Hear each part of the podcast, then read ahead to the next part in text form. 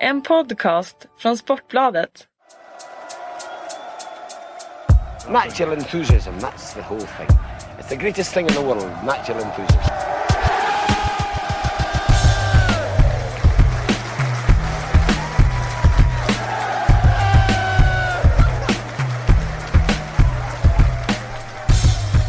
Hej och välkomna till Premier League-podden torsdag igen den 26 mars, den tredje månaden på året 2015. Fredrik Jönsson har med sig Johan Lindestam och Kalle Karlsson. Ja. Välkomna. Tack. Tackar, tackar. Hur mår ni? Ganska dugligt. Bättre faktiskt. Jag har ju varit risig här och sängliggande i feber här tidigare. Men nu är jag på benen igen och mår tämligen bra faktiskt. Ja, vi satt precis och pratade innan sen någon gång om att båda de två skulle dra utomlands och jag ska vara kvar i Sverige. Men jag är inte bitter, inte just nu i alla fall, kanske kommer vara det imorgon. Eh, landslagsuppehåll är det ju nu så att vi blickar tillbaka på helgen som har varit. Eh, såg själv en hel del matcher, bland annat West Ham Sunderland, United Liverpool, jag såg Newcastle Arsenal, eh, Tottenham Leicester hade väl litet öga på och även City VBA. I och med att jag satt här inne så ser man ju massvis med fotboll. Eh, jag tänkte att vi kunde börja med eh, Newcastle Arsenal. Med tanke på att det är eh, en eh, halvlek där Arsenal är fantastiskt bra. Borde väl kanske gjort till och med fler än två mål. Eh, Newcastle var inte med överhuvudtaget. Vaknar i andra, reducerar och får någon slags stress hos Arsenal. Och jag tycker inte att Newcastle är så pass bra för tillfället att de, de egentligen ska få det. Sen om det har med trötthet att göra för Arsenals sida eller något annat mentalt, det har jag ingen aning om. Eh, Men det är ju en, det är en klassisk Arsenal-match Ja. säsongen 2014-2015 speciellt. Jag skulle vilja se statistik på hur många 2-0-ledningar de har tappat till 2-1. Och sen stått tryckt mot väggen eh, och, haft, och faktiskt klarat ut egentligen varenda gång. Men, eh, men det, det är ju det är ju en dålig egenskap de har att, att bjuda in och att dessutom ge motståndaren. det Liksom, det har varit West Ham, det har varit Queens Park Rangers, liksom, det var hemma, Queens Park Rangers. Det var ju helt, Eh. alltså det var brutalt QPR att de ändå fick den, Ja. den, alltså den matchen. Och de är ordentligt tillbakatryckta många gånger liksom. Sådär. Att, att det, det är ju ett svaghetstecken kan man ju tycka att, att liksom, det är ett styrketecken att hålla det men det är ett svaghetstecken att alltid släppa in det där målet som, som faktiskt ger motståndaren vittring och Newcastle. Det var ju bara en, en liten touch ifrån ehm, Cissoko var det. Cissoko Ja. var det va, där liksom att han följde med huvudet på bollen liksom och, och ja, en studs till så är det 2-2 istället. Det var inte liksom. med i matchen överhuvudtaget. Nej inte första liksom, men det är två sådana scenförändringar men det ja. Det kan man ju också peka på, eh, på Newcastle också. Med, man pratar svaghetstecken. Alltså det är ju ett enormt svaghetstecken hos Newcastle att man sätter sig i den situationen. Och att Ja. det händer. Det är liksom ingen slump utan det är Newcastle. Eh, sätter sig själva i så extremt stora problem i en sån match. Genom att eh, alltså fullständigt klappa ihop i första halvlek. Jag fattar inte vad de höll på med. Och de målen de släpper in är ju på tok för billiga. Sen hade Arsenal kanske kunnat gjort andra mål med de chanser de hade.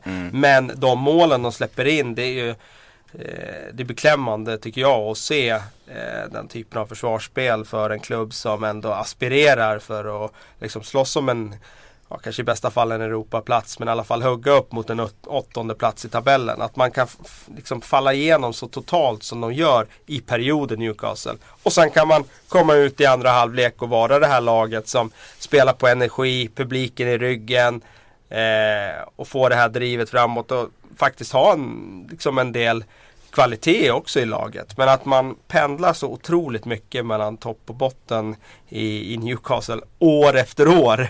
Det är, eh, ja, det är förvånande. Det såg ju så, det såg ju, man tänkte på det när de skulle ta emot Arsenal att man kanske skulle försöka få gör, göra en sån här United-liknande match som man har när man spelar mitt i veckan.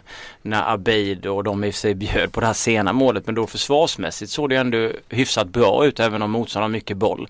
Och det blir väl så när man möter eh, framförallt Arsenal men även United att man låter dem ha initiativet när man inte kanske är så spelskicklig själv. Men då tog man i alla fall död på mycket ytor och man lät dem inte få så mycket. Här var det mer något helt annat. Men man tycker någonstans att de borde kunna få med sig någonting positivt in till någon match liksom och leva vidare på det. eh, För att få det att se bättre ut eh, i det långa loppet. Men det känns som att det är liksom halvlekar hit och dit som kan se okej ut och så. här. Vad säger du då som eh, Newcastle-fan om John Carver och hans eh, liksom, tar över, får säsongen ut? Vad är känslan liksom? Jag, eh, egentligen vill jag inte sitta och orera för mycket med Newcastle för att jag har fått mail om det och jag har även blivit, fått kommentarer om att jag alltid är negativt inställd till Newcastle i varenda podd jag har gjort sen jag började här. Men Eh, eh, så det ligger ju lite i Ja jag vet, jo, att- jo jag vet. Eh, det är visst skillnad. på- Ni var väl ganska negativt till Tottenham om Jo, man jag vet. så. jo, jag vet. Det är det som är lite intressant att Newcastle kanske inte är okej att vara det men man kan vara det med andra klubbar. Nej men alltså jag känner väl lite så här att eh,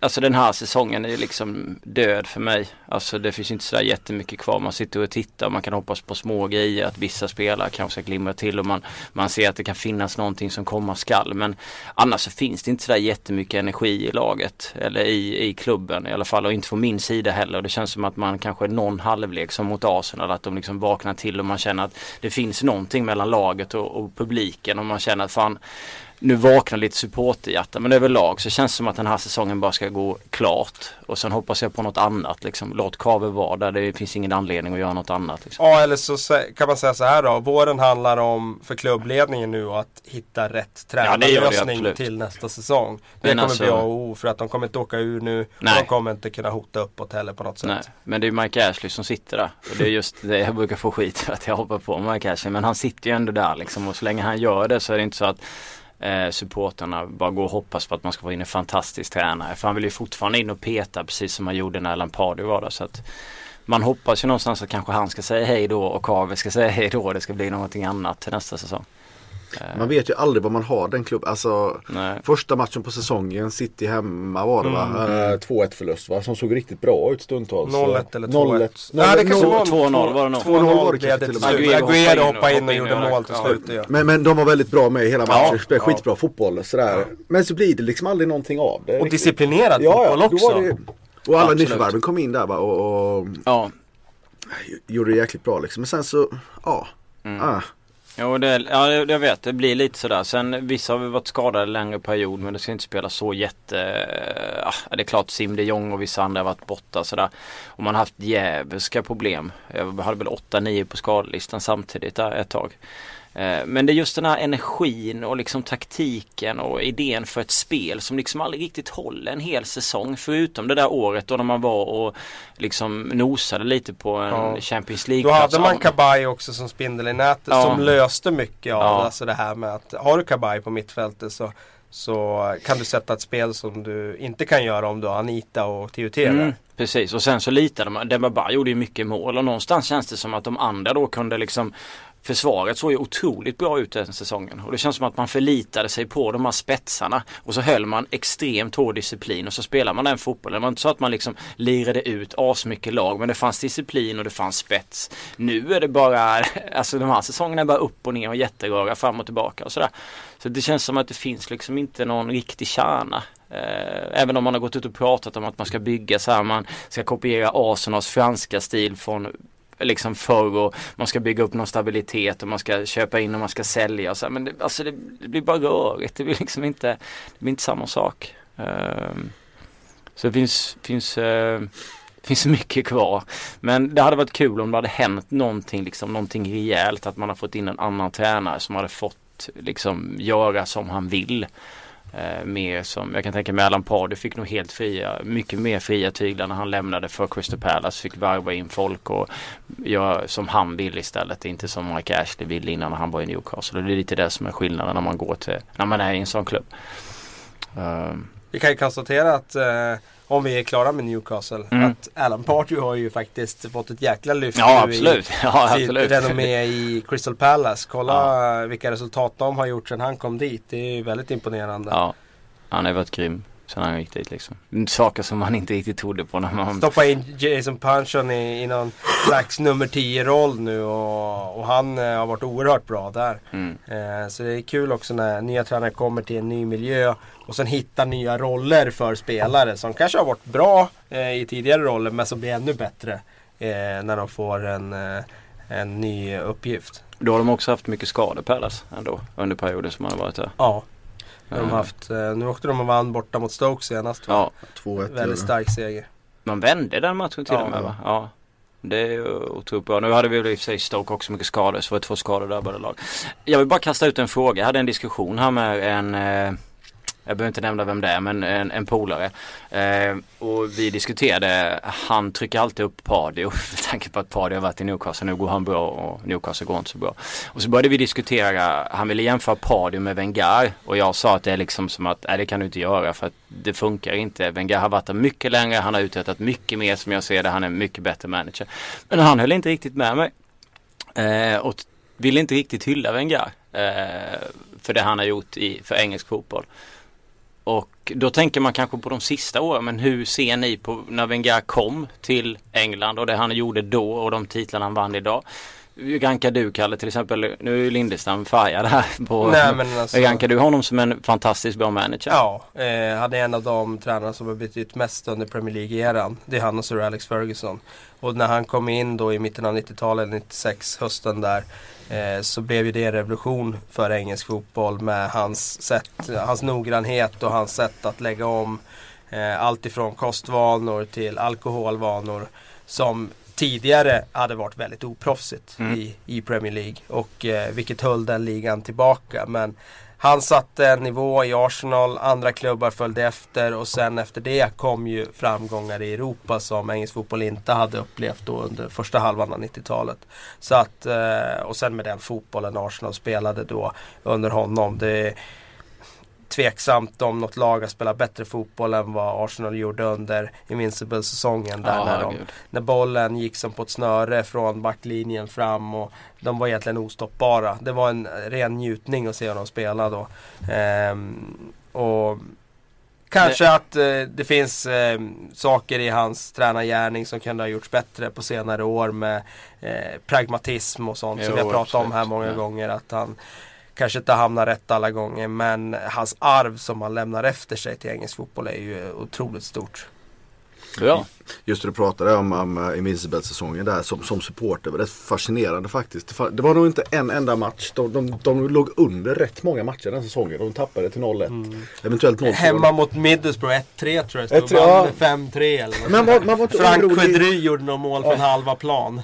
man var inte orolig en enda gång. Det var Nej. liksom, man visste att vet, här, det, de, de, de tar det här och de tar i alla fall en pinne. Liksom. Det var, det, det, man har aldrig haft den känslan förut. Eh, Man har aldrig haft den övertygelsen. Den, den positiva övertygelsen.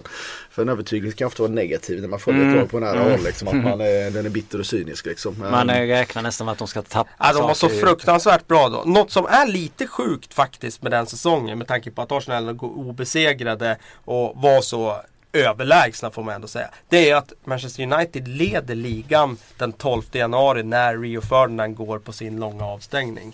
Så Ja, så det, sent in i ligan leder ändå United ligan. Och sen klappar ju de igenom Jo, totalt absolut. efter att Ferdinand blev avstängd. Men det är ändå någonting som jag tror inte många tänker Nej. på. Att man tänker att Arsenal var så överlägsna. Och det var de ju. Men ändå, en bit in i januari så ledde de Men, inte ligan. men alltså det som också är så otroligt imponerande av honom som jag tryckte på i den här diskussionen är också vad han har fått ut av vissa spelare. Han varvar liksom Vieira från, från Milan för typ för inte, noll kronor, inte ett typ. skit. Nej, Han varvar Henri, Henry, för Juventus. Ja, blir 60 forward. miljoner eller vad det här Touré. Han varvar Fredrik Ljungberg från Halmstad Ja. för 40 miljoner kronor. Ja. Allsvenskan liksom. Det är så här, det är liga 25 eller 28 vad det är i Ja. världen. Varvar honom till Premier League. Han, ja precis, en av Så Premier Leagues bästa spelare där Ja, i 20, början av eh, 2000-talet.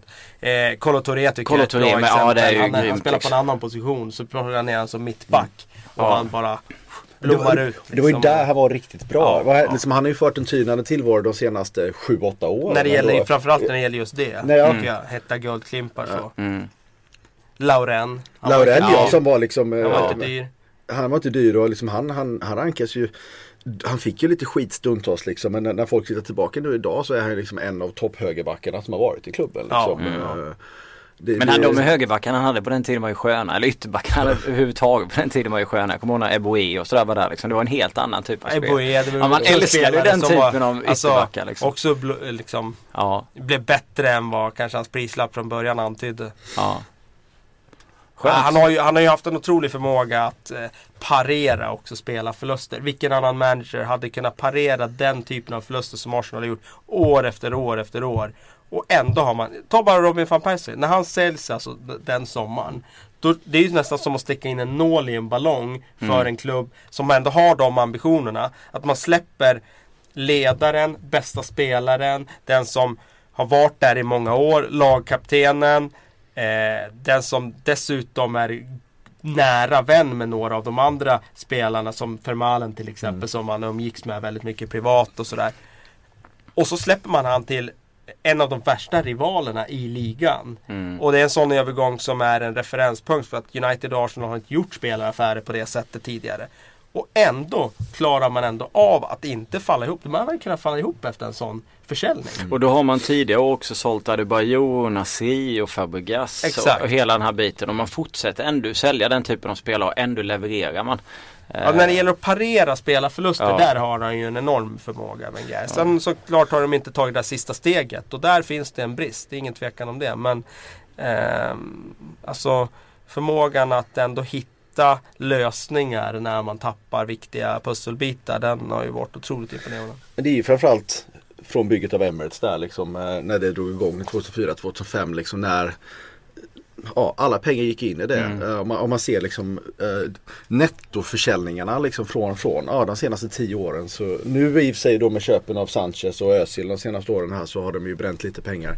Men Arsenal låg ju under var en sexårsperiod låg de plus 13 miljoner. Alltså de hade sålt spelare för, för, spelare för mer pengar än de hade köpt spelare för. Medan då City låg back 2,5 miljard liksom. Och, och Chelsea låg 2 miljarder back. Eh, United 1 miljard efter att ha sålt Ronaldo då som de fick liksom rätt mycket pengar för.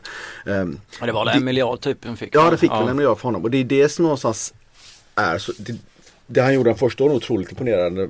Delvis dock med en ärvd liksom backlinje som, Mm. och den här nya eh, internationella liksom, eh, stilen som han kom in med. Liksom. Men även att som du säger den här att kunna parera under så pass många år. Liksom. Han, han nöjde sig, han sänkte sina ambitioner, han nöjde sig med de här fjärdeplatserna. Det är skittråkigt på många sätt men det är också otroligt imponerande Ja. att lyckas göra det. Liksom, hålla den här skutan och nu var inne i sin, jag vet inte vilken jäkla Champions League-säsong det är i rad, om det är 20 eller Ja, 17 är det va? 17 och 18.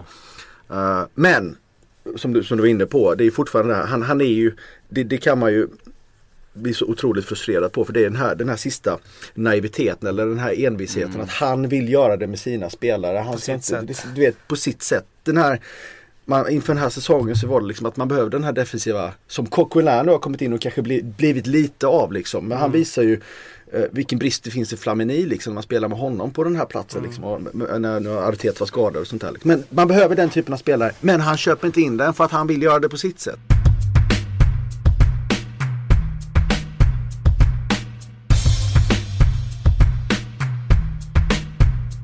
En väldigt intressant sak. Eh, det gjorde nog väldigt ont i, hos många men det var ju Liverpool mot United. Gerard kommer in, jag tror det tar 32 eller 33 sekunder. Eh, sen stämplar, den delar han ut en stämpling, får rött kort och får gå ut sista mötet med United. Och det var väl alltså Även om jag inte är Liverpool-supporter så gjorde det ändå ut ont att se Gerard komma in, dra ett rött och sen gå ut. Liksom. Det var så här, inte värdigt han efter den karriären han har haft. Liksom. Den övertändningen, man ser ju första eh, tacklingen han är inne i där liksom och sen så är det Ja. egentligen andra situationen så Ja, stämplar han stämplar redan han där. Och, och det är ju ett solklart rött kort så länge domaren ser det liksom. Det var ju, det var ju Mm. samma sak som att eh, Diego Costa skulle haft rött kort mot Liverpool när han stämplade på vänsterkanten där. Ja. Jag kommer inte Ja, var, just det. liksom. Ja. Eh, och det är ju, när de syns så är det ju solklara liksom. Ja. Och han tog ju på sig fullt ansvar. Men det är ju ja, en, Mm. en, en Gerard 35 i år va? Jo, stämmer. Ska inte... eh, Han ska ja, inte göra, han ska inte göra så. Nej, han, helst hålla sig för stor för det. Ja. Kommer in, lämnar, 32 sekunder, lämnar tillbaka lagkaptensbilden och springer ut till liksom. Ja, Den det- heatmappen är ju otroligt rolig som givetvis cirkulerar direkt ja, efteråt. ja. Så här, ja, jag sa det, den påminde om Robert Lauds senaste presslandskamp där. Eh, men, eh, nej, men det är ju någonstans eh, oerhört tragiskt om, om nu Steven Gerrards sista liksom bidrag inom citationstecken till Liverpool ska bli att han fäller laget i den här kampen om Champions League-biljetter. Han som har gjort så otroligt mycket för den här klubben eh, under så många år ska liksom sätta det här sista avtrycket. Och då blir det att han tar ett rött kort i den viktigaste matchen hittills under säsongen. Och plötsligt halkar de efter. Nu kan, finns ju fortfarande möjligheten då att han kanske får vinna eh, FA-cupen då på Mm. sin födelsedag där och, och lyfta den eh, trofén som en sista liksom eh, ja, sista punkt i, i, innan han flyttar till Los Angeles då. Men eh, det känns ändå tråkigt att se. Det var spelaren som halkade i fjol och, och lyckades Ja. eh, liksom göra så att eh, titelracet pendlade över till, till, till Citys fördel då. Och, och nu blir det tyvärr då eh, återigen så att han, Han gör får, ett bidrag som är negativt när det betyder som allra mest. Det är ju ofta också så att det sista man gör i en klubb det Nej. påverkar ju lite det här eftermälet. Och det är ju ingen som kan sudda ut det Steven Gerrard har gjort för Liverpool under liksom 16 års tid. Men det man kommer ändå ändå ihåg det där. påverkar ja. lite grann det där. Om det nu får den eh, betydelsen att de missar Champions League på grund av det. Det är ändå Ja. tio år sedan de vann Champions League och ingen kommer ju någonsin glömma den. Nej. Hur det, alltså kommer, Nej. ingen kommer någonsin göra det. Men som sagt det är ändå tio år och det har hänt liksom. Och sen är det ju fascinerande att det händer just den här matchen mot United som är liksom Liverpools överlägset största antagonist alla Ja. kategorier. Det är ingen liksom. slump. Det, nej det, det är ju inte det liksom. Men han om någon förstår ju betydelsen av det här röda. Alltså han förstår ju vilket svek det är mot fansen och mot Ja. klubben. Och, alltså mer än någon annan spelare Liverpool gör liksom. Det, det, nu har ju inte den rivalitet, den, finns ju där men den har inte varit lika titel de senaste liksom eftersom Nej. inte Liverpool har vunnit sedan Nej. 91 va? Eller 90, 90 då. 90. Ja. ehm, Sen är det ju intressant om man ser matchen då så eh, Det får vi ju såklart aldrig veta men man eh, Min känsla var ju att Liverpool var bättre med 10 man än vad de var med 11 man. Ja. De hade väldigt svårt i första halvlek. Sen är ju fotboll för komplicerat för att säga att det skulle ha sett likadant ut i andra halvlek. Gerard kom ju in för att de ville förändra något och de kanske hade fått till en förändring om han hade varit kvar på plan. Det, det vet vi ju inte.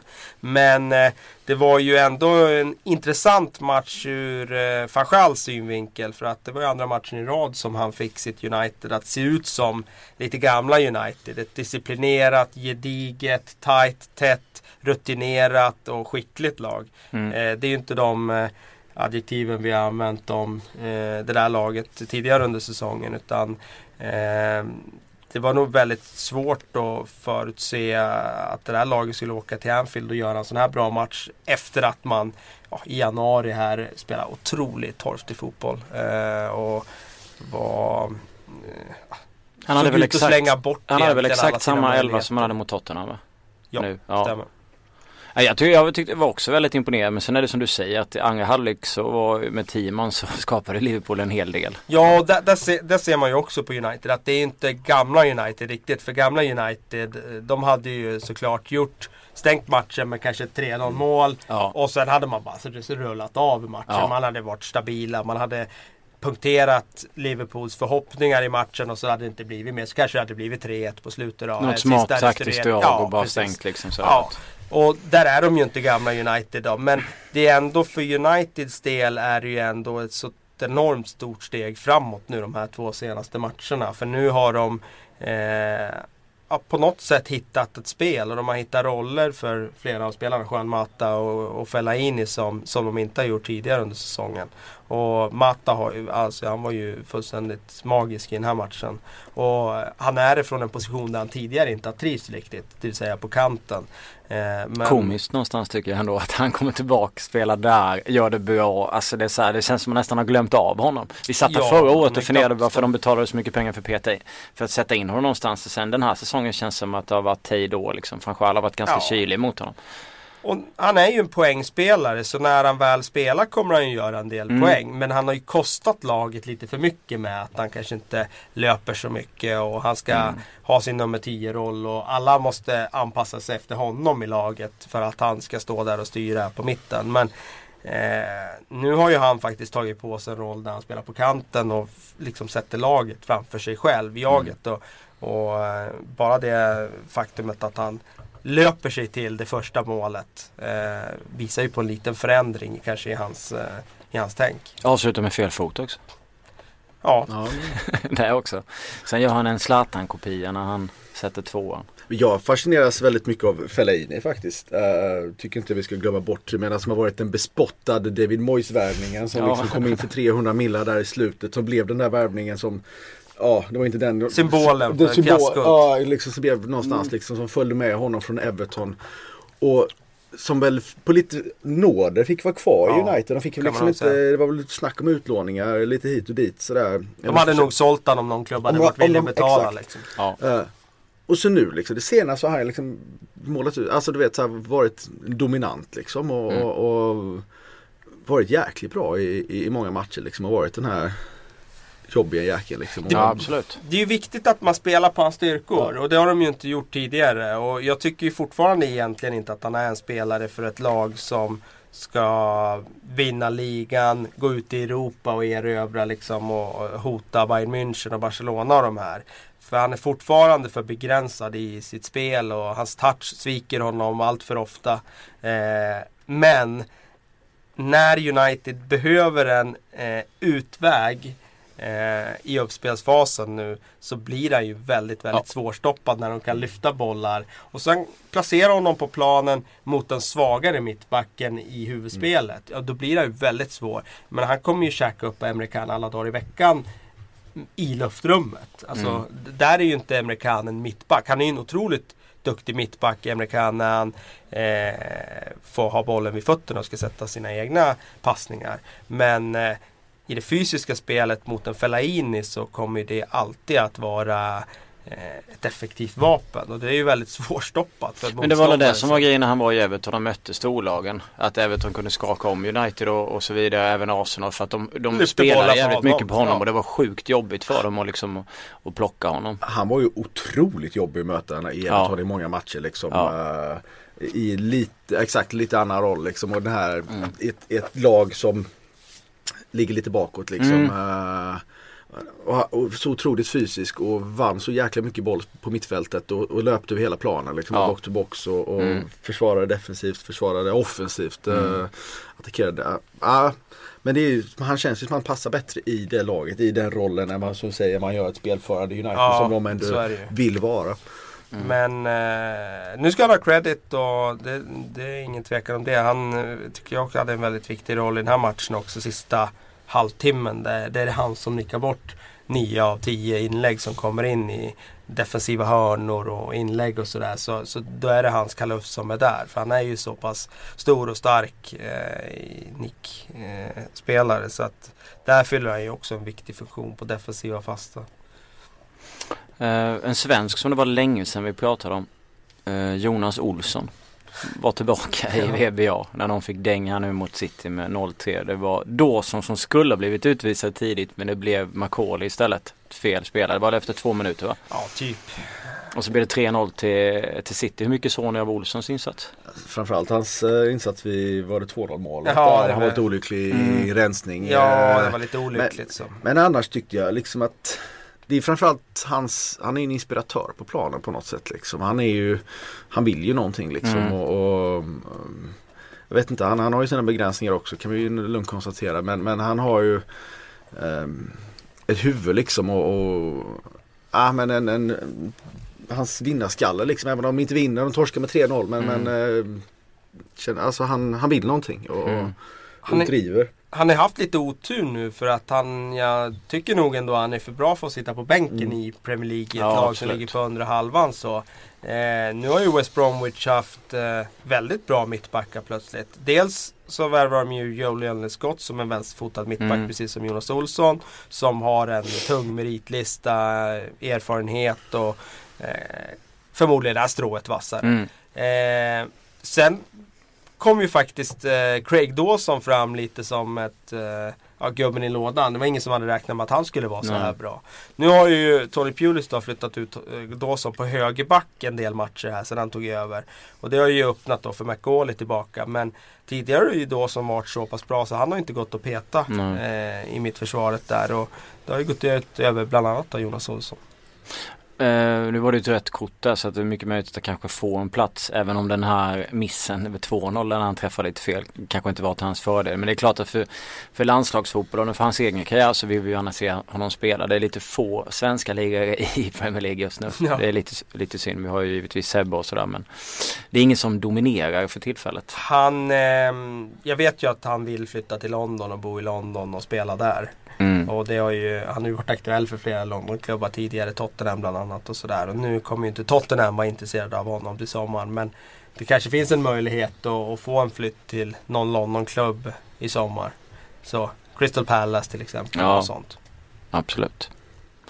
Eh, vi har eh, en annan ovanlig sak som jag tänkte på eh, i helgen som var Chelsea släppte in två mål och eh, Courtois bjuder på det ena. Det är ju ändå en av eh, världens bästa målvakter. Son i situationen eller? Hemåtspel, han ska, jag vet inte, ska han dribbla eller ska han ta med sig vad är det han ska göra egentligen? Jag tror han vill finta den första spelaren som sätter press på honom. Men han har inte riktigt koll på att det är en spelare nummer två som också Hernandez är det ju som kom, kliver fram där liksom får. Och oftast brukar det ju bara vara en anfallare som kliver fram så mot målvakten. Så han, han gjorde väl en liten missbedömning där. Eh, skulle han få skruva tillbaka tiden så tror jag han hade valt att bara skicka iväg den med högerfoten med första touchen där ut i inkast. Men det är okej när det är Courtois med tanke på hur bra han har varit under säsongen. Nej okej okej men eh, eh, du vill ju inte att din målvakt gör eh, grova Rembrandts och bjuder in motståndarna i matchen vilket han gjorde. Ja. Men eh, han gjorde ju några svettiga räddningar i den här matchen får vi ändå säga. Ja, som ändå kanske någonstans eh, ja, vägde upp lite grann hans eh, supertavla där. De vann med 3-2. Nu gick Peter Käck ut. Eh, det är helt sjukt att man har två sådana målvakter i en klubb. Men nu gick han ut och sa att han hade tröttnat. Eh, och det är inte så förvånande. Nu har han ju suttit på den här bänken ett tag liksom. Eh, man trodde redan att han skulle dra i somras men han är fortfarande kvar. Man trodde kanske att han skulle gå i Ja, januari. definitivt januari, det var Januari. jag helt övertygad Ja, om. Faktiskt. Men han är fortfarande kvar liksom. Men då var det väl bara ett case av att Chelsea släppte Schwarzer. Mm. De skulle inte släppa en målvakt till och, och så. Men eh, man kunde ju se det här egentligen redan från första premiärmatchen. Kunde man ju se det här scenariot att de de ställde Courtois då. Han var jävligt bra. Mm. Och han, med tanke på att han är så otroligt bra, Courtois, så skulle det bli svårt för Check att komma in i det här laget. Nu har han ju stått en del matcher där. Men eh, nu eh, känns det som att han kommer flytta i sommar. Och, eh, det kommer inte vara brist på intressenter där. Nu är inte det här Silly Season-podden men ändå måste jag ändå fråga. Vad vill ni se check? Vilken klubb? Är det någon som skriker efter? Newcastle kan ju, nej de ska inte byta målvakt först. Nej men jag tror ju att Liverpool kommer vara intresserade beroende på hur Mignolet presterar nu under våren. Nu har ju Mignolet visat en fin kurva senaste tiden. Ja, här, som absolut. verkligen pekat uppåt. Men han har ju varit eh, de, Han har skakat lite tidigare och Liverpool har varit eh, en av de klubbarna som kopplar samman med, Cech. Om de Gea går i, i sommar från United då kan jag ju se att United skulle vara intresserade också. Sen är det självklart det kommer finnas andra klubbar. Jag tänker på Paris Saint-Germain till exempel. Kommer säkert vara intresserade av att plocka Cech och de har ju pengar att och, eh, liksom hosta. Real Madrid känns väl också ganska bra med tanke på Casillas. Beroende på vem de ska plocka Ja men istället. ska de peta Casillas då? Även om, de, ä, ä, även om de skulle må bra av det, kommer de verkligen att göra det? Med tanke på vilken ikon han är där. Jag tycker att de skulle ha spelat Keylor Navas där i, i Real Madrid och matcha fram honom. Men de har inte gjort det än så vad, vad, alltså, Mm. ja, jag, jag, inte, jag, jag, jag tror det när jag ser det att de petar Det, Casillas. jag, kom- eh, bara för att avrunda, men jag kommer ihåg när Mignolet fick som mest skit så la de ut honom på Twitter i sin eh, lilaktiga tröja var det väl och sen så la de en soptunna bredvid med Liverpool Casillas?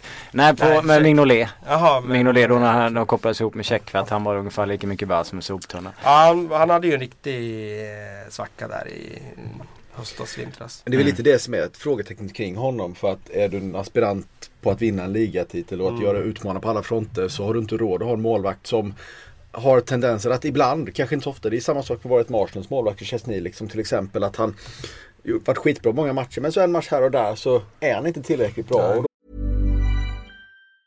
When you're ready to pop the question, the last thing you want to do is second guess the ring. At Bluenile.com, you can design a one of a kind ring with the ease and convenience of shopping online. Choose your diamond and setting. When you find the one, you'll get it delivered right to your door. Go to Bluenile.com and use promo code LISTEN to get $50 off your purchase of $500 or more. That's code LISTEN at Bluenile.com for $50 off your purchase.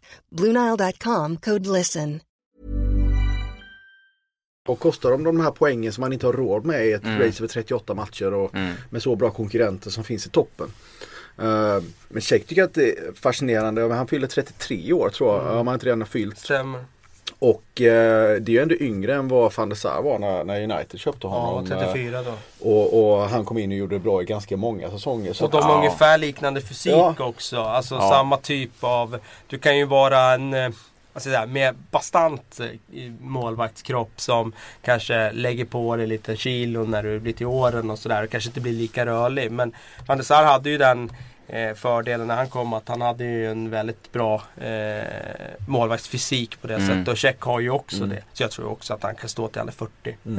Eh, om bara hans huvudskada håller, liksom ingen mer smäll mot huvudet så. Eh, så tror jag han kan stå till han är 40 också. Det är ruskigt bra målvakt alltså. Han är ju Men fantastisk. de matcherna han har gjort. har- Okej, han har tappat inte in någon boll i någon match han spelade. Jag kommer inte ihåg vilken. Men så har han gjort sådana super. Ja. Alltså han har varit liksom och sitter man där bara. Ja, det måste vara, jag förstår check någonstans. Det måste kännas lite otacksamt när du, när du eh, i stor del eh, är så otroligt skicklig målvakt och ändå bara är så ett uppenbart tydligt andrahandsval. Vi ska gå in på en lista som Kalle har gjort. Eh, jag vill bara poängtera att även den här eh, det här avsnittet av eh, Premier League-podden är ju sponsrad av Expect och de har ju det här erbjudandet där man får lägga tusen spänn riskfritt och går det åt skogen så får man tillbaka sina pengar. Eh, nu är det landslagsuppehåll så jag kräver ju inte att mina två gäster levererar något spel. Så jag får helt enkelt göra det själv, eh, tänkte jag. Så kan ni ju bara säga tumme upp eller tumme ner. Eh, mitt spelförslag, lite så här avdammat snabbt, är oavgjort eh, Sverige, alltså halvtid fulltid. Att det står kryss mellan Moldavien och Sverige och att Sverige i andra halvlek avgör till 3,50. kan man slänga in en tusenlapp på och eh, ja, riskfritt då får man ju tillbaka det om man inte får in det. Låter det som ett vettigt spel? Jag brukar aldrig lyckas själv med de där halvtid fulltidsspelen. Såvida jag inte sätter 1-1 eller 2-2. De, då kan man få in det. Men jag har väldigt svårt ofta att få in när jag försöker spela etta kryss eller kryss etta eller. Du vill ha Sverige-Sverige då kanske? Nej, jag, jag, jag, jag, jag, lämnar, jag lämnar de här landslagstipsen utanför. Jag lämnar det till dig. Jag tyckte det lät lite, jag trodde först så att du ville skulle ha kryss, kryss rakt igenom och det var jag lite tveksam till. Men, eh, för jag tänkte själv, ja men kryss två kanske. Men det känns Men okej. som sagt, eh, Ja det är knivigt. här, här har vi spelkungen på andra sidan. Det, det har vi Ja. inte på den här. Vi får väl låtsas det i alla fall att jag har så pass bra koll.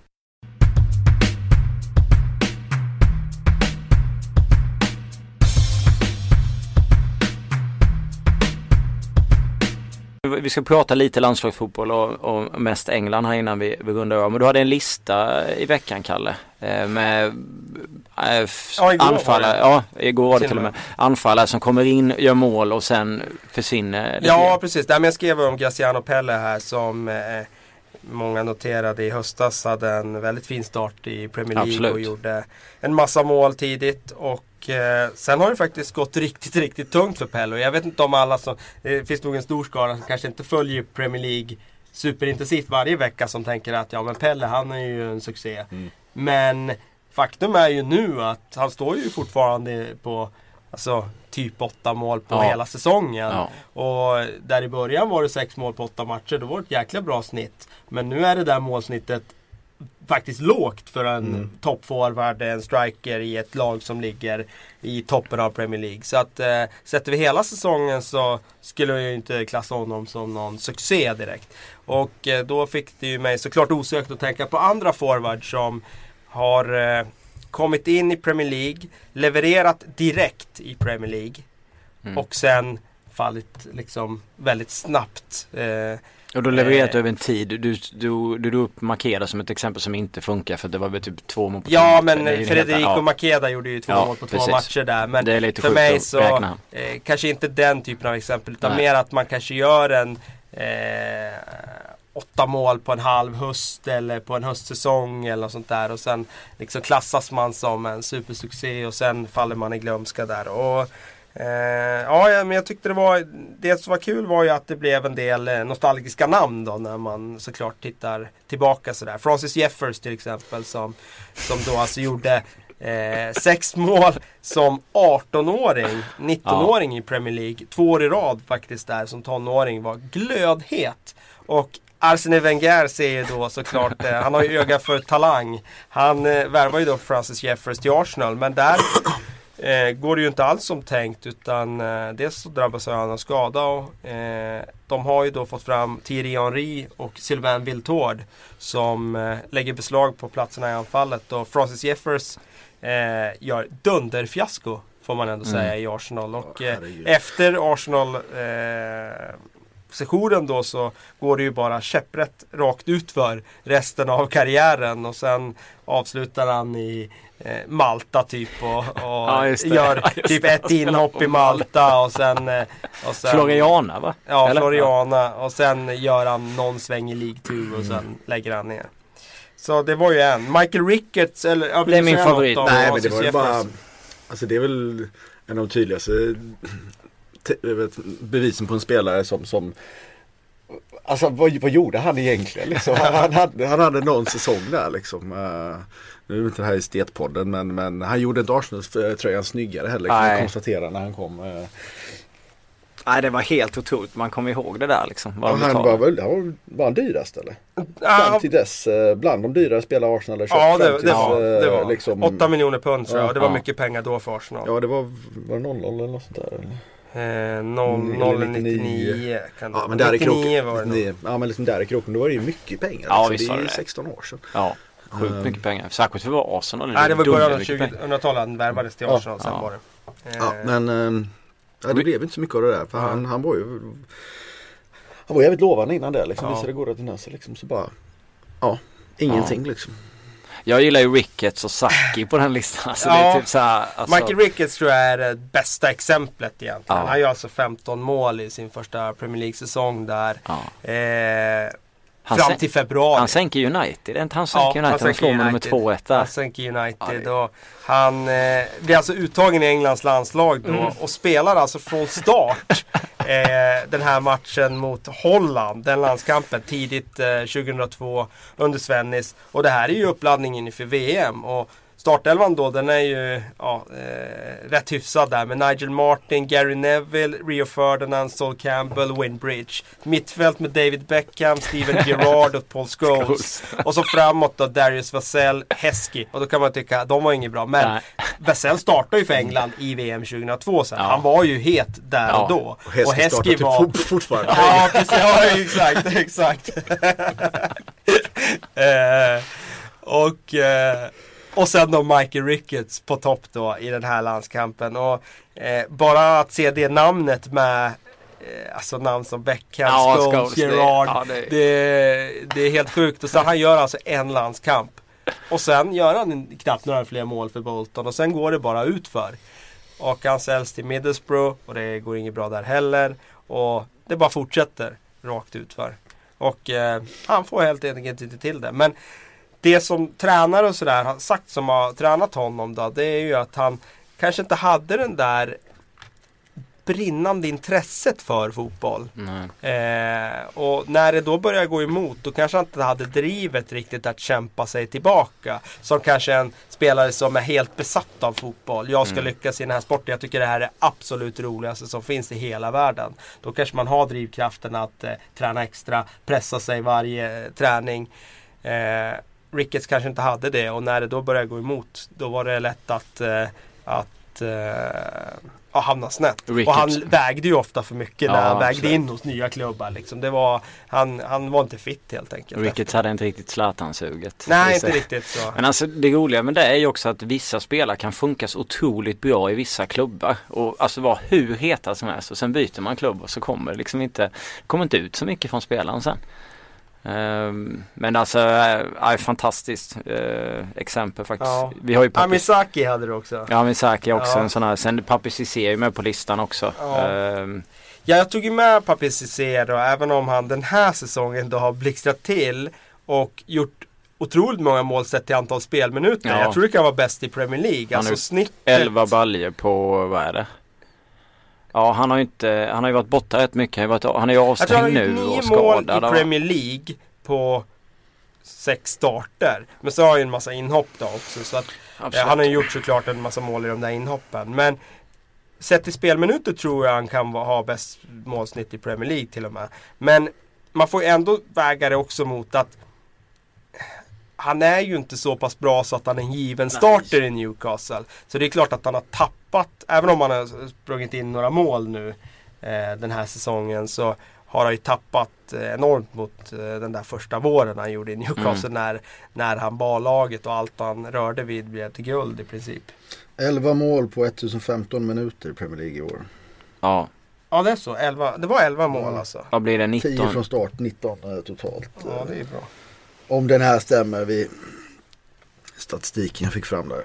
Ja men det är ju, det är ju bra. eh, Det är ändå bra gjort liksom. Jag fattar ju vad du menar när du har med honom på listan. För det han gjorde när han kom det var ju helt Men det är ju, sjukt alltså. alltså målen han gjorde var det mot Ah, United. Han Ah, ringde hans Chelsea, skott. Chelsea, Ja, Chelsea, Stamford det- Bridge. när han Vem skjuter, där, vem skjuter därifrån Ja. liksom? Det är så här, Och gjorde inte han två mål där? Jo, gjorde Jo, han gör den ena på halvvolley med vänsterfoten precis utanför straffområdet som sitter i botten.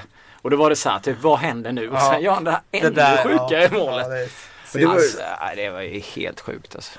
Men det är, det är så här spelare som just då, jag har ju mål på allt. Alltså Mm. oavsett vad liksom han, Ja, det spelar hur han skjuter eller vad han gör med bollen liksom, så går den in i mål. Han var i den där sköna zonen som eh, man själv aldrig har varit i och aldrig kommer vara i. Men som vissa spelare, vissa anfallare får uppleva det någon gång i karriären. Där liksom, ja, spelar inte så stor roll vad man gör. Det man gör det blir liksom, eh, det blir bra. Hur Bas, man än gör Bas det. Dost har ju varit i den till exempel om man tar bort.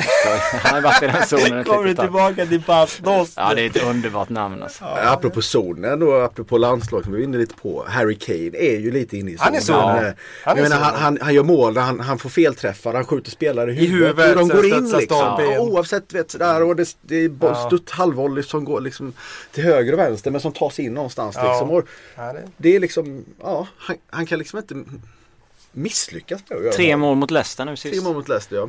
Leder skytteligan. Mm. Eh, Så det är ju hyfsat ändå av, av honom. Med i landslaget givetvis också nu. Första gången någonsin ihop med ja, Ryan Mason gjorde väl först också. Nej men det är en jävligt rolig lista. Gå in och, på, och läs på Kalles Premier League-blogg blogg om eh, den helt enkelt.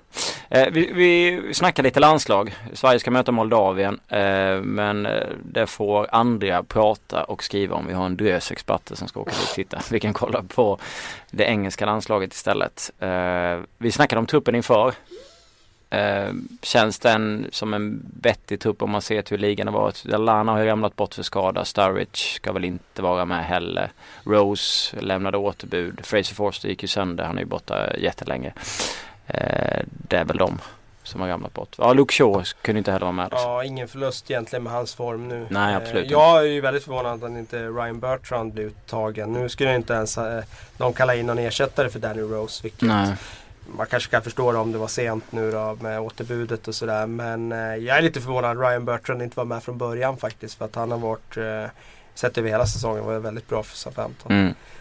Eh, jag tycker inte att truppen är sådär jätteimponerande faktiskt. Eh, jag tycker att det är eh, jag tycker att det är lite för mycket eh, Det är för få riktiga kvalitetsspelare för att England ska kunna gå upp och utmana de stora. Det är inget de är, de är efter de stora nationerna. Det, det, backlinjen hade behövt sin John Terry för det är Mm. fortfarande Ja. Englands bästa back. Ja, Eh, och sådär som Chris Smalling, Phil Jones.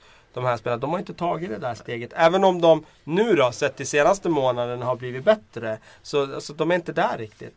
England har inte en högerback som är av toppklass. Eh, Klein ska ju kanske bli det, men han har inte bevisat det än på Nej. den internationella scenen. Och samma sak centrala mittfältet. Det är sådana som Jordan Henderson och så. Jag tycker han gör det jättebra i Liverpool. Men går ut i, i liksom ut, eh, ut i Europa. Då är det Paul Pogba. Då Mm. är det liksom eh, i Spanien en uppsjö av världsklasspelare. England har inte världsklasspelare. Alltså- Sen är ju Michael Carrick, tycker jag då. Eh, ja, det är ju otroligt tycker jag att han har gjort så få landskamper. För han, sett det senaste decenniet så, så har han ju förmodligen varit det bästa alternativet för England i den positionen. Men det har ju ofta varit så att Steven Gerrard har haft den positionen istället. Och du flyttar inte på Steven Gerrard såklart. Men kollar man på det decenniet vi har bakom engelsk landslagsfotboll så kanske det hade varit bättre att flytta på Ja. Gerard och ha Carrick i den rollen istället. Ehm, Jobbat Så- in generationsskiftet tidigare Ja, helt precis. enkelt. Det är klart alltså tittar man bakåt så hade man Lampard, Gerard och Scholes och hela det mittfältet. Nu så är det liksom Barkley, Carrick, Delf, Henderson, Mason, Milner, Sterling, Towson och Walcott. Det är liksom så här. Det är, det är det är, bra fotbollsspelare men det är samtidigt inte heller de här. Det wow. Jag menar Nej. Delf har vi hyllat massor i den här podden. Men Ja. han har ju inte varit fantastisk den här säsongen i. Aston Villa. Om du tar eh, Barkley, vad har han haft för form Nej. i Everton den här säsongen? Han har ju varit alltså, Han har varit avsevärt sämre än vad han var förra säsongen. Är det en jättespännande talang fortfarande. Mm. Townsend är, är ju fortfarande Andrews Townsend. Han är väldigt begränsad. Ja. Theo Walcott har varit skadad. Ja, han- eh, han har ju varit, Stor eh, del av säsongen och precis kommit tillbaka egentligen. Alltså, jag tycker inte den är speciellt Ja, imponerande. de här starka karaktärerna, de har den mentala styrkan. Det känns inte som att du hittar den och liksom när du kollar på den här truppen. Det finns inte de där extrema vinnarskallarna som man hade förr med till exempel Scholes. Och då, om man tittar på det landslaget som var då var det inte så att England åkte och vann EM och VM heller utan nu har de de ett var ännu... framme huggen då. Ja och en del gjorde de väl i och för sig men... Det- lite otur några gånger när de åkte ut på straffar. Eh, Ja. tillfällen. Ja, det var 2004, 6 och 8. ja, precis. Eh, I alla fall 2004, Sex i 2006, båda gångerna. Men vad kan England hoppas på då? Vad, vad är det de jag behöver? tycker det är spännande nu. De två spännande namnen i den här truppen. Det tycker jag är de två Tottenham-spelarna. Det är Ryan Mason och, eh, och eh, Harry Kane såklart. Eh, kan Kane få ett genombrott på den nivån, landslagsnivån, ja men då blir det ju, då har de ju plötsligt en, en striker av eh, riktigt hög klass som kan ge en konkurrenssituation där framme med Sturridge. Jag menar Sturridge kan ju anpassas till andra positioner Mm. också. Då, då har han ju lite att laborera med där framme. Och Wayne Rooney har ju visat här någon match, eh, inte senast mot Liverpool dock, där han var väldigt svag tycker jag. Men mot Tottenham där, att han är eh, bra när han väl får kliva fram och när han är i form och när han har bett i steget och sådär. Så, eh, ja, det, det, så det är klart att det finns, eh, finns eh, ljuspunkter men sätter vi hela truppen så tycker jag att den är slätstruken. Anfallet är väl det som, det är Kane, Rooney, Sturridge har väl tackat nej och sen är det Welbeck också. Welbeck har ju någon slags nivå i sig. I sina bästa stunder. Han gör Ja. väldigt mycket mål och har en klart högre alltså, Ja. eh, ja, målprocent liksom, till, till antal chanser man har i, i det känns som att han tänker inte på samma sätt där. Han bara går på instinkt. Medan han i, i Nej, klubblaget ja. så, liksom, så är det för mycket. Nu har han inte spelat kanske Striker, strikerna så- utan det har blivit nu i alla fall senare tid mycket ut på, på en vänster eller högerkant. Men, ehm, men där, det, det är ju intressant. Men, men Kane, alltså medspelarna, landslagsspelarna har varit lite lyriska här i veckan över när de har tränat med honom. Liksom, eh, så, Mm. som, som vanligtvis inte gör det. Ehm, och han har ju ett, han, han, han är ju han springer på ett sätt, han är ju jobbig att möta. Han har liksom ett pressspel och kämpar för laget och löper över hela banan liksom. eh, på ett sätt som gör honom egentligen nyttig i alla matcher. Mm. I alla lägen. Eh, han är ju otroligt spännande faktiskt. Mm. Det, men, men det är som, som du framförallt var inne på, det är backlinjen. Liksom. Hade du fått in en Terry där, Cale eller Terry, liksom, då hade han haft ett jäkligt intressant mittlås som har visat sig vara liksom, det är ju bästa Premier League liksom och, och som hade funkat fullständigt Mm. internationellt. Ehm, men nu är det liksom lite, ja, nej. Nej, Jagielka är med i den där truppen fortfarande. Han har inte gjort någon bra säsong i Everton sett över hela det här väl inte spelåret. heller varit så jäkla Nej, bra den här säsongen. Inte som han varit tidigare. Samtidigt så tror jag att han har blivit påverkad lite av att Everton har spelat på ett annorlunda sätt nu. Och de, han har inte haft det där samarbetet. Han kanske var det sugen på som att lämna också. tidigare. Inför säsongen fick inte det och sen så. Nej, det tror jag inte. Eh, han, är ju, han är väldigt hemkär sådär Baines. Så att jag tror inte han har velat lämna i och för sig. Men... Eh, nej, jag, jag tycker att det är en slätstruken trupp. Det man får hoppas på där när det gäller England då är att Joe Hart fortsätter på den Ja. inslag av vägen som han visar i Champions League här. Att han fortfarande har en väldigt hög nivå i sig när han, när han väl är i form. Galen insats på Camp Nou. Se. En annan rolig grej med England i veckan var ju Dominic Solanke, heter han väl. Fyra mål på fem matcher i segern i U17-EM för England. Blev framröstad till bästa ungdomsspelare i England. Samtidigt som Rooney fick bästa seniorspelare. Fick vara med och träna med landslaget här i tisdags. En lirare som Mourinho menar att om inte han blir en landslagsspelare så har han misslyckats med han ut, hans utveckling. 17 bast. Har hoppat in i Champions League mot Maribor när Chelsea körde över dem. Förutom det så har han bara suttit på bänken i PL. Eh, han kommer ju inte vara med i den här truppen givetvis men han fick vara med och träna när han ändå var på besök. Eh, det ska bli intressant att se vad som kan komma underifrån där också eh, när det Mm. gäller England. Vad de har och Men det är. England har ju haft under lång tid väldigt intressant lag. Alltså man Mm. har liksom typ såhär, det här kan bli jäkligt intressant. Men det blir inte mycket mer än, nej. det har inte blivit i alla fall de senaste åren. Liksom. Det är samma sak nu, du tittar på truppen. Bara i den, i den kärntruppen som vi har till, till, mot Litauen här så har du ju jävligt man blir nyfiken. Skulle Ross Barkley komma loss liksom? Kommer Ja. Harry Kane vet med? Men man ö, har inte tendens att överskatta de här namnen från Premier League. Sen kommer de ut i Europa Ja. och så ser man att eh, fan Atletico Madrid och de här, de spelar skjortan av, Ja. Av eh, alltså, eller Sevilla kan spela skjortan av ett engelskt lag Mm. i Europa League. Alltså, jag, jag, jag tror att vi har en tendens att överskatta Premier Mm. League-spelare Ja, det- för de vi ser varje vecka. Tottenham och Liverpool åker ut mot Besiktas och Fiorentina. Och det tycker man ju inte att, alltså på förhand så tycker man ju inte att de ska göra det. Nej. Ett det- Besiktas som sen åker, sen åker ut mot Klubb Brygge. Alltså det känns Ja, lite vi har ju pratat mycket om det där tidigare. Ja. Vi behöver inte dra hela det. Nej. Men jag tror bara jag tror man har en tendens att överskatta de stora namnen i Premier League. Eh, En sak på apropå Sturridge där och Lallana. Sturridge blev skadad under landslagsuppehållet senast där i, i, höstas. Va? Ja, och när han var borta i många månader. Eh, och det känns ju som Rodgers har blivit lite eh, tveksam till. Alltså han vill verkligen inte släppa iväg om de inte... Sir Alex han är lite Ja. Sir Alex liksom. Nu är både Lallana och Sturridge liksom som bara nej det här är nog inte riktigt läge att dra liksom. Vi har en viktig match där mot, mot Arsenal borta.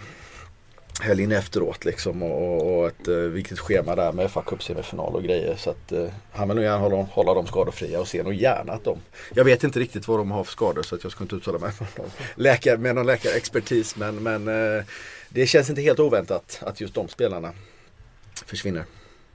Ska vi köra lite frågor? Tycker jag. Ja. Eh, Ola Lövgren, vi har ju pratat lite om det här tidigare under säsongen kan man ju säga. Men anledningarna till att Everton gör en fiaskosäsong? Barclays form, Lukakus ineffektivitet.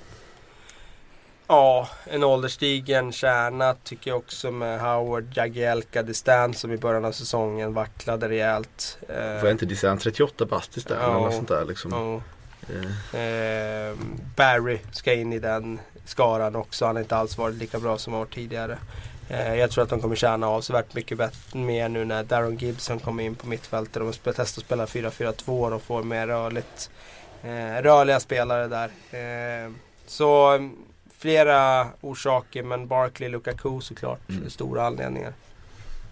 Att det inte har gått som man har tänkt. Eh, Ola har samtidigt frågan vem, vilka spelare ni tror som har störst möjlighet att vinna årets spelare i Premier League?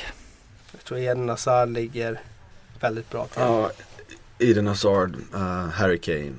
Um, David de Gea hade ju kanske gjort det om Manchester United hade haft en bättre ligaplacering. För det han har gjort den här säsongen har varit oerhört imponerande. Jag vill även försvara honom faktiskt för det insläppta målet mot Liverpool. För mig var det en ganska tydlig touch på, på Phil Jones som ställer honom i, i det läget. Eh, Jag hörde att han fick kritik i diverse studios men eh, jag eh, vill nog påstå att det inte var så enkelt att rädda det skottet ändå. Men Eden Hazard tror jag ligger väldigt bra till. alltså hans säsong, så bra han är. Varenda gång han har bollen söker Mm. sin, alltså han, ja, han, han känns ju som absolut, absolut, absolut världsklass. Alltså uppe Ja. där med, med liksom Ja, liksom strax bakom. ja, strax topp- bakom alltså, duon- toppduon. Eh, Lars Corneliusson, är CL-platserna 1-4 avgjorda nu? Nej, det är det inte. Nej, Det är det absolut inte. Både Liverpool och United har tuffa matcher kvar så det kommer att kunna svänga mer. Eh, vi vet ju inte om Uniteds den här formtoppen heller håller i sig eller om det är liksom en eh, Lidners knäpp över två matcher. Nej, och så som så Arsenal möter både Liverpool, United och även Chelsea. Liksom. United har, har mött några av de här lagen och, och, har Arsenal kvar. Och, och även. City har vacklat. City och vacklar. Alltså det är liksom, man, man kan ta poäng mot varandra och då Ja. är det inte ofta något jäkla stort. Jag menar vinner, vinner Liverpool mot Arsenal borta liksom. Ja, då är det plötsligt bara tre poäng liksom. De har ju för Ja. sämre målskillnad så det, de behöver, Det fyra då. de behöver Ja. fyra till liksom. Mm. Men, men eh, absolut inte avgjort. Eh, inte på långa vägar. Matteo Carmello undrar vem som tar hem skytteligan. Harry Kane är ju ett bra bett alltså. Ja, alltså men det, med tanke på stimmet han är ja. inne i. Att, eh, Ja, jag säger nog Harry Kane ändå. Tycker ni det är gött med landslagsuppehåll säger Simon Palm eller Ja, jag har sagt det förut i den här podden att jag tycker det är ganska skönt för då får man lite ledigt och då kan jag sticka ner med gott samvete på träningslägret i Turkiet här imorgon. Skönt. AFC Jonsson. Eh, Ramses form var förra säsongen en one hit wonder eller tror ni han kan komma upp i samma form igen? Jag tror att han kan komma upp i samma Hade vi inte den frågan förra veckan? Ja, jag tror att han målmässigt får väldigt svårt att nå upp i de siffrorna han hade i fjol. För då var han inne i den där zonen där eh, allt han tog vi blev till guld i princip. Och han sköt i alla möjliga vinklar och vrår och, och den satt i nättaket. Däremot tror jag att han spelmässigt kan komma tillbaka till den nivån. Han har varit okej i några matcher här nu. Ja. Han, han, han får ofta skit nu just för att Ja, folk är lite besvikna att han inte har varit lika tongivande eller syns kanske målprotokollet lika ofta som förra säsongen. Men, men han har faktiskt varit rätt bra här nu eh, från en lite mer balanserad eh, mittfältposition. Så att eh, ja, han Ja. kommer tillbaka. Ulf Liljegren snackar om 4-4-2 diamant för Liverpool eller bör de spela 4-3-3 eller ja. Nej, jag tycker nog att deras system eh, har han ju hittat rätt med. Nu har ju två lag i rad här kunnat, eh, vad ska jag säga, inom citationstecken eh, avslöja systemet. Eh, det är inte, jag skulle nog vilja liksom, se det någon match till innan han slopar det. Men Brennan Rogers är ju också så pass skicklig att han kan förändra matcher. Eh, taktik under matcher och han har väldigt flexibelt lag när det gäller att eh, ändra spelsystem snabbt. Så att jag tror absolut att går, går det inget bra i nästa match heller med det här så kommer han kanske ändra tillbaka till en diamant eller någonting som, som gör att eh, han ställer frågor igen till motståndarna. Jag ser Robin och Genus. Han ställer egentligen ingen fråga. Man tycker vi ska rycka upp stämningen för att vi har hört om fotbollens untergang. Två poddar. Vi har det i rad nu med, med England. Men det blir väl eh, lite så när man liksom ser hur det går i, i eh, ja, den eh, alltså kuppspelet i Europa så att man blir lite låg när det gäller England. Men eh, om vi kollar på England och kollar på, eh, på landslaget. Vilka anfallare ska man ställa upp med mot Litauen? Rooney, Kane, Rooney, Welbeck, Welbeck, Kane. Rooney Kane skulle jag tro Ja. att det blir. Det är någonstans solklart med tanke på formen som vi har varit inne på som Kane har. Eh, och med tanke på någonstans den tryggheten och den, den uh, ikonen lite som Rooney är för landslaget. Så, så, eh, och då är ju dessutom Welbeck en ganska bra avbytare att komma in med sin fart och löpvillighet också. Eh, men de två tror jag är ganska givna faktiskt. David Stenbeck är inne på eh, han frågar om det, vad, to, vad det tror ni det är för lag som gynnas av det här landslagsuppehållet? Om man ser till hur det har varit innan, vilka spelare som är med i landslaget och så vidare. Är det, det kanske är en helt omöjlig. Jag det är känner svårt själv att, det, svårt att svara på. De, de lagen som gynnas det är de som får tillbaka alla sina spelare Ja, hela som- och friska. Mm. De som inte skickar iväg hela klubblaget liksom i- iväg på. Det är ju en, jag menar det är många skador det senaste året som har liksom spelare har drabbats av under landslagsuppehåll. Jag menar vi var inne på Sturridge där liksom. Han var borta många, många månader. Eh, kanske bidrog lite till att Liverpool tappade poäng som de hade behövt nu när vi liksom sammanfattar tabellen. Mm. det, det är ju tillfälligheter men, men eh, jag tror att många mår bra av att, som du säger, de som får tillbaka spelare eller som kan vila spelare och nöta. För det är viktig slutspurt på gång här nu liksom, och det är inte så lång tid kvar. med andra ord så är det omöjligt att säga vem som egentligen, vi får se helt enkelt, Ja. den som inte får skada. Eh, vi uh, har i, i avsnitt 48 så ska vi ha, jag kommer inte ihåg det här själv, men eh, då ska vi ha sagt att ingen i Spurs platsar i pool. Jag vet inte vem det var som sa det, om det var Niva kanske, när han satt med här. Hur skulle en sån sammanslagning se ut idag? Tycker ni att det finns någon i då, det är väl antagligen det här eh, Kristoffer Larsson är ute efter. Han har skickat ett mail. Finns det spelare som ni anser platsar? Ja, Hugo Lloris ja. platsar ju definitivt. Ja. Det är ju ingen snack om saken. Ehm, Finns det fler? Ja, men återigen med formen han har varit idag så är ju Harry Kane en, eh, i alla fall en ja, det är klart en- att han, han slåss med Sturridge om den platsen. På form så vinner han ju alla dagar i veckan. Mm. Det är ingen tvekan om det. Ehm, sen kan man ju diskutera om Christian Eriksen ska in på någon av de där offensiva Mm. mittfältsplatserna. Ehm, Coutinho och han kanske är jämnt upp, jämnt skägg. Eh, men när det gäller den andra platsen där kanske han tar Lallana. Men jag vet inte.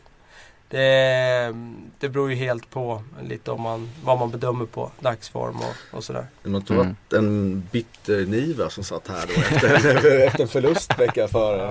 Det är mycket möjligt att det var, ingen av oss kommer ihåg det men det är mycket möjligt att han har då dragit ut. Så skulle vi fråga han nu så hade han väl inte sagt en enda spelare förmodligen. Eh, Magnus Hermansson, fråga om Carrick är Premier Leagues bästa spelare om man då räknar bort målvakterna. Då tänker han på de Gea och eh, Courtois antar jag. Nej, tycker inte jag. Jag tycker Eden Hazard nog som du var inne på där eh, har under några år visat sig vara en av de absolut bästa spelarna i kanske till och med Ja. Hazard har ju, om man tar han och jämför med Garrick, vilket såklart är det är omöjligt. omöjligt för att jämföra de olika rollerna. så. Men det Hazard gör ju är ju att han avgör matcher med individuella prestationer.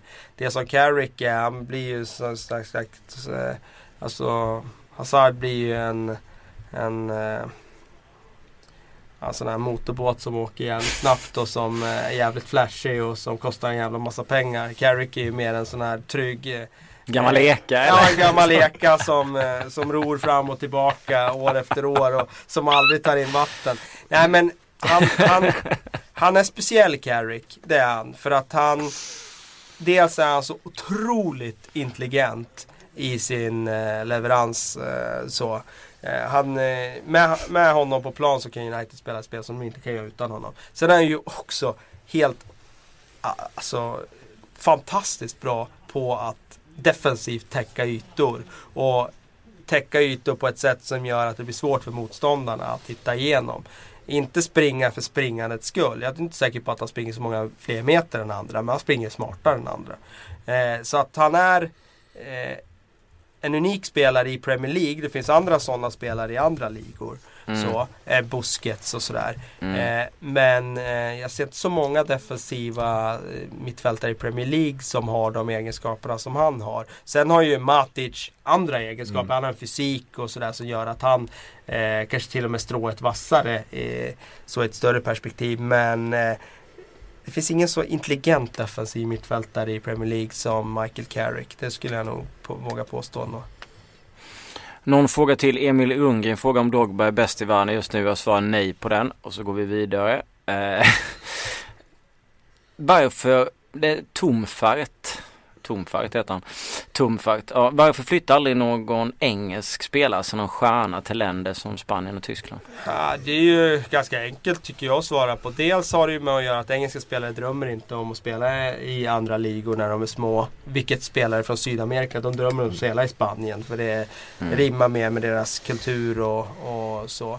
Men sen också har med kvalitet att göra. Det är inga engelska spelare som slår sig in i topplagen i, i La Liga och i Bundesliga. Eh, det är ingen engelsk spelare som platsar i Bayern München. Det är ingen engelsk spelare som platsar i, i Barcelona eller Real Madrid. Och skulle de gå till andra klubbar då skulle de tjäna avsevärt mycket mindre än vad de gör i Premier League. För de betalar avsevärt bättre löner där Mm. än vad de här lagen under eh, toppskiktet gör. Det är liksom har inte Michael Rick, eh, Richards gick iväg nu liksom. Ja, det har- han har ju inte fällts för Fiorentina. Nej, för han inte platsar liksom. Ja. Ehm, eh, Wales, det är väl Gareth Bale som är enda exemplet liksom. Men nu pratas det efter ett år, liksom, ett och ett halvt år, liksom, är han på gång tillbaka till, till, eller liksom, efter att ha avgjort en Champions League-final. Ehm, Men det är väl fantastiskt med tidningarna. Ja. Att det är ju nästan prat om att han ska gå tillbaka sen han gick dit. Liksom att United skulle värva hem honom så fort han har Och nu har han gått lite tyngre kan man ju lugnt säga liksom än vad han gjorde ett tag innan. Ja men eh, vi avrundar med eh, ja, denna podden. Vi har kommit upp i ganska lång tid här nu eh, och ser väl eh, fram emot landslagsuppehåll ska jag göra medan de två herrarna på andra sidan ska åka utomlands och jobba och, gotta sig lite samtidigt.